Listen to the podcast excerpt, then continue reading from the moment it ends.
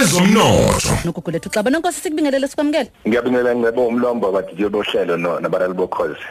Nonkosi ngesonto ledlule sibheke i-recovery plan eh umongameli wezwe abekade ekhuluma ngayo ukuthi mhla sizama nkosi yami ukuthi sithi ukucabalasa siphume kule nkinga esingene kuyona yezomnotho ngenxa ye-covid-19 lunjalo udaba nongcebo kuseyiyo leyo ndaba ukuthi eh, amazonke omhlaba eh afuna ukuphuma kule nqoba kaxaka ekade eh, esibhekene nayo iCovid-19 ngicabanga ukuthi besibuka lokho ngeviki elidlule njengoba sazi ukuthi emveni kwalokho umongameli kuyesekhuluma ngolesine eh okuyikhona sobe sikubhekisisa futhi namhlanje Nonkosi ake sibheke ke eh masibheka ngesonto ledlule uma sibheka le turn around lokuthi bawujike umnotho ubuyele esimweni uthi ukusima simama.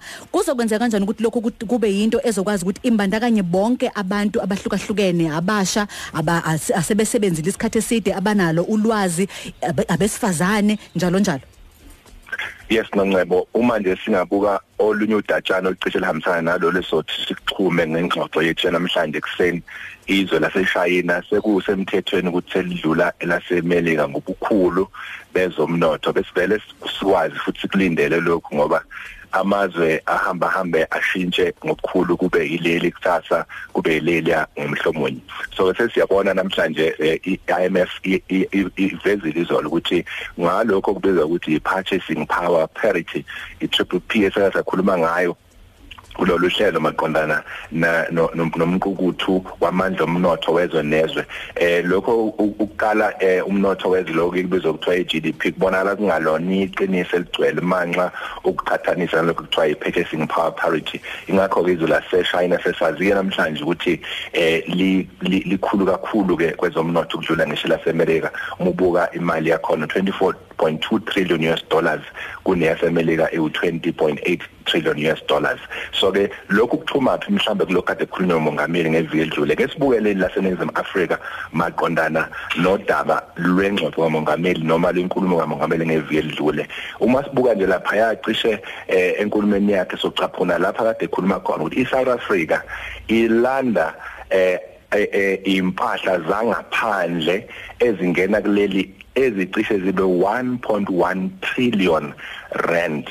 Okusho ukuthi lokhu nje akuxubi ngisho oyela ngoba phela oyela iwona futhi oyimali enkulu esikhokhayo kuze siwuthenga ngaphandle subuyise ngaphakathi. Ngiyazi ke asinawo amandla kakhulu okukhiqiza oyela kodwa umubuka nje kakhulu lezi lolu daba lwezomnotho lokukhiqiza. Uye wachaza umongameli ukuthi uma singathatha nje 10% ku 110 billion singakwazi ukuthi sinyuse iGDP yethu ngo2% sithi ke thina mhlambe eh, kumongameli wethu nezikhulu zethu ezisiholayo kuhulumeni. Ake sicele nje i-boldness ukuthi ke kube khona nje ukuba nesibindi sokuthi asingabheki u10% asithathe u30% eh mhlawumbe singathi u10% kulonyaka u20% ngonyaka ozayo kusho ukuthi lokho kuzosisiza ukuthi sinqande impahla eziningi ezivela ngaphandle zikhiqizwe ngaphakathi. Ngoba kuyamangalisa nongcebo ukuthi inkinga enkulu ekhona ukuthi silanda impahla eziningi njengamanje sathi kade sikhuluma ngamazwe amanye akuleli zwekazi lakithi eAfrika ukuthi bathenga ngisho ama toothpicks ngaphandle. Sekuyithi njengamanje eNingizimu Afrika esilanda ngisho ama toothpicks ngaphandle sibe sinazi hmm. ihlahla eNingizimu Afrika. So yishwa leli okunye seke sakhuluma lokho nongcebo udaba lokuthi buka icathulo 300 million pairs wa wecathulo eziza la. Okusho ukuthi icathulo ezilishumi eningizimu Afrika sonke sigqokayo. Eziwu7 suke siyilande ngaphandle ezintathu kuphela esuke sizenze ngaphakathi. Ngamazi ubuka zonke izinhla zokukhiqiza asikho ndawo ake kuthatha ithuba ngempela ukuthi kwakhiwe manufacturing capacity lapha eningizimu Afrika. Noncebo Nonkosi siyazi ukuthi niyaqhubeka nezinhlelo ezahlukahlukene nina amandla omnotho for kids amandla omnotho crowdfunding njalo njalo. Mawusiphi imininingwane nje ukuthi sinithola kanjani nanokuthi sibhalisa kanjani kuzona zonke lezi zinhlelo eninazo? Siyazama zonke isikhathi ukuthi sifake lo lo mbono omuhle wama entrepreneurship kubantu abanikuphiwa abancane ngomgqibelo ngo11 kuya ku12 eh abalaleli bangasithola kwinombolo yethu ethi 0822 52217 www.amandlaomnotho.co.za bazothola zonke inhlelo zethu bese kuthi emavikini amabili ezayo sobe silauncha amandla omnotho crowdfunding sikhulumile ngayo ngeweekend kubalaleli kade bekhona eh kwi webinar yethu.